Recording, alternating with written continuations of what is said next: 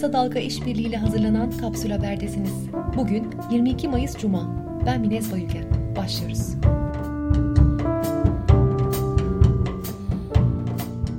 Adana'da CHP Yüreğir İlçe Gençlik Kolları Başkanı Eren Yıldırım'ın tutuklanmasıyla sonuçlanan tartışmanın görüntüleri ortaya çıktı.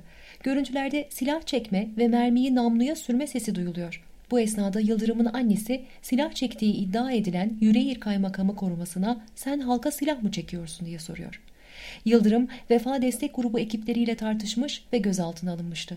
Serbest bırakılan Yıldırım, Cumhurbaşkanı Tayyip Erdoğan'ın PKK'nın Van'da uzun namlularla silahlarla gerçekleştirdiği saldırıyı CHP'liler Adana'da hakaret ve yumrukla yapmıştır sözlerinin ardından tutuklanmıştı. Ankara Büyükşehir Belediyesi eski başkan Melih Gökçek dönemindeki 48 milyon TL'lik kamu zararına ilişkin rapor hazırladı. Gökçek döneminde AFM isimli şirketin düşük ücretle aldığı çoğu atıl ve kullanılamaz durumda olan fabrikalara sermaye artırımı yapıldığı ortaya çıktı. Rapora göre bu artırım belediyeye yansıtılarak fahiş fiyatlarla Seymen Su adına Belka AŞ'ye satıldı. Salgın sürecinde yaşanan sorunlar ve ek ödemelerde ortaya çıkan adaletsizlik sağlık emekçileri tarafından ülkenin dört bir yanında protesto edildi. Sağlık Bakanlığı'nın tavandan ek ödeme vaadinin gerçekleşmediğini hatırlatan sağlık çalışanları tüm sağlık emekçilerine eşit temel ücret istedi.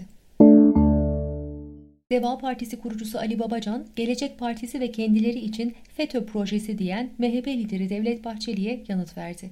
Şu anda iktidar güçleri ellerinde. Ülkeye hangi faydası dokunuyor? Türkiye'yi sıkıntılı durumdan çıkarmak için ne yapıyorlar? Onları anlatsınlar. Hükümetin yeni kaynak bulamaması halinde mecburen işçi çıkaracaklarını söyleyen Ankara Büyükşehir Belediye Başkanı Mansur Yavaş, Vakıfbank'ın borçları yeniden yapılandırmadığını ve teminat vermediğini anlattı. Mecburen özel bankaya gittiklerini aktaran Yavaş, Vakıfbank'ın iki kredisini kapattık, özel bankadan kredi aldık. Devletin kazanması lazım ama mecbur kaldık dedi. İzmir Büyükşehir Belediye Başkanı Tunç Soyer, dün İzmir'de camilerin merkezi sistemine girilerek çalbella çalınmasını provokasyon olarak değerlendirdi ve bu oyuna gelmeyelim dedi. İzmir Cumhuriyet Başsavcılığı eylemi gerçekleştiren kişi ya da kişilerle destekleyici ifadelerle sosyal medya hesaplarından paylaşanlar hakkında soruşturma başlattı. Twitter hesabından konuyla ilgili paylaşım yapan Banu Ö, yürütülen soruşturma kapsamında gözaltına alındı. Girişim Araştırma, koronavirüs salgını ile ilgili yaptığı son anketin sonuçlarını açıkladı. Rapora göre salgın nedeniyle vatandaşların %53'ünün geliri azaldı. %39'unun da psikolojisi bozuldu. Sırada güncel COVID-19 verileri var. Bakan Fahrettin Koca, artan test sayısına rağmen pozitif çıkan vaka sayısı öngörüldüğü seviyede seyrediyor. Bugünkü yeni vaka sayısı 961 ile toplam vaka sayısı 153.548 oldu. Son 24 saat içerisinde 27 kişi hayatını kaybetti. Böylece toplam ölüm sayısı 4249'a yükseldi. Covid-19 test kriterleri değişiyor. Bundan böyle sağlıklı kişilere de test uygulanabilecek. Son günlerde nişan, düğün, kutlama, toplu yemek ve toplu dualarda vakalar görülmesi üzerine lokal karantina uygulaması planlanıyor. Dünya Sağlık Örgütü Genel Direktörü, dünya genelinde son 24 saatte COVID-19 salgının başladığı günden bu yana en fazla vaka artışının yaşandığını, 106 bin kişide virüs tespit edildiğini söyledi ve ekledi. Bu salgında daha gidecek çok yolumuz var.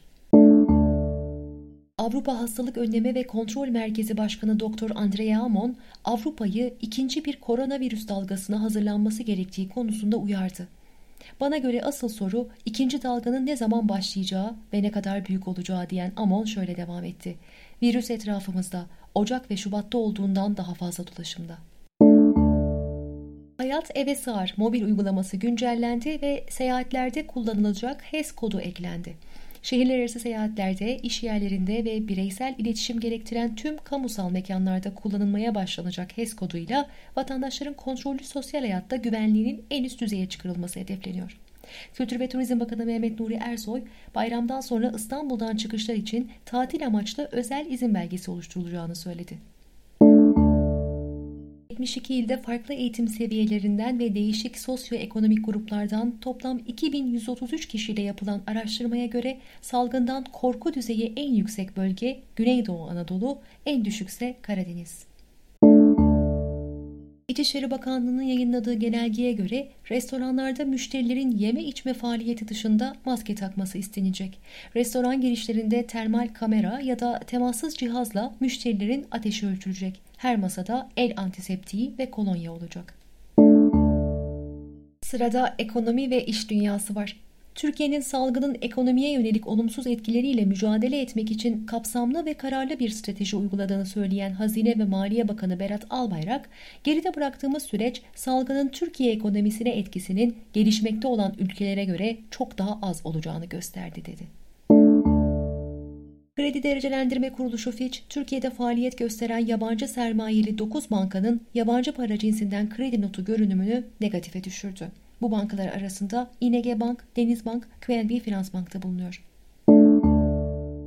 Ve dünya Irak, IŞİD'in öldürülen elebaşı Ebu Bekir Bağdadi'nin halefleri arasında ismi geçen ve dün yakalandığı duyurulan Abdülnasır Kardeş'le ilgili bilgi paylaştı. Kardeş'in IŞİD'e Ninova'da 2007'de üye olduğu ve El Cezire bölgesinde yıl sonuna kadar valilik yaptığı, bu süre zarfında da Irak güçleriyle sivilleri hedef alan birçok operasyon düzenlediği ifade edildi.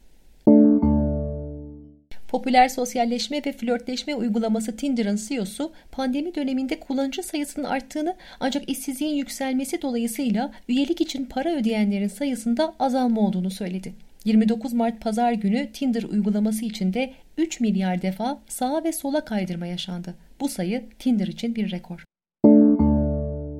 Sırada medya var. Gazeteci Fatih Portakal Twitter hesabından Çevre ve Şehircilik Bakanı Murat Kurum'a seslendi. Bir gün karşılaşırız elbet. O zamana kadar kişisel bilgilerimin nasıl ve niye sızdırıldığı sorusuna cevabı hazır hale gelir umarım. Hükümete yakın medya organları Portakal'ın Seferihisar'daki çiftlik evinde kaçak yapılar olduğunu drone görüntüleriyle iddia etmiş ancak yapılan incelemede kaçak yapıya rastlanmamıştı. İyi Parti 19 Mayıs dolayısıyla 30 saniyelik bir reklam filmi hazırladı. Ancak Kanal D ve CNN Türk filmi yayınlamadı. Bunun üzerine İyi Parti filmin neresi sizi rahatsız etti? Bandırma vapuru mu Atatürk mü diye sordu. Ve spor.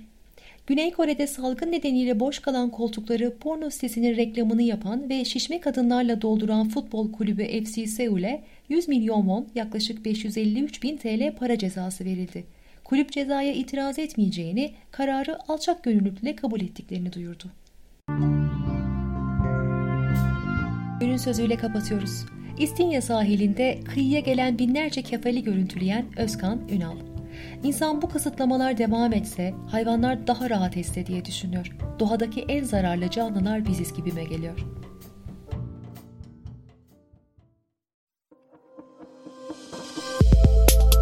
Bizi Kısa Dalga Net ve podcast platformlarından dinleyebilirsiniz.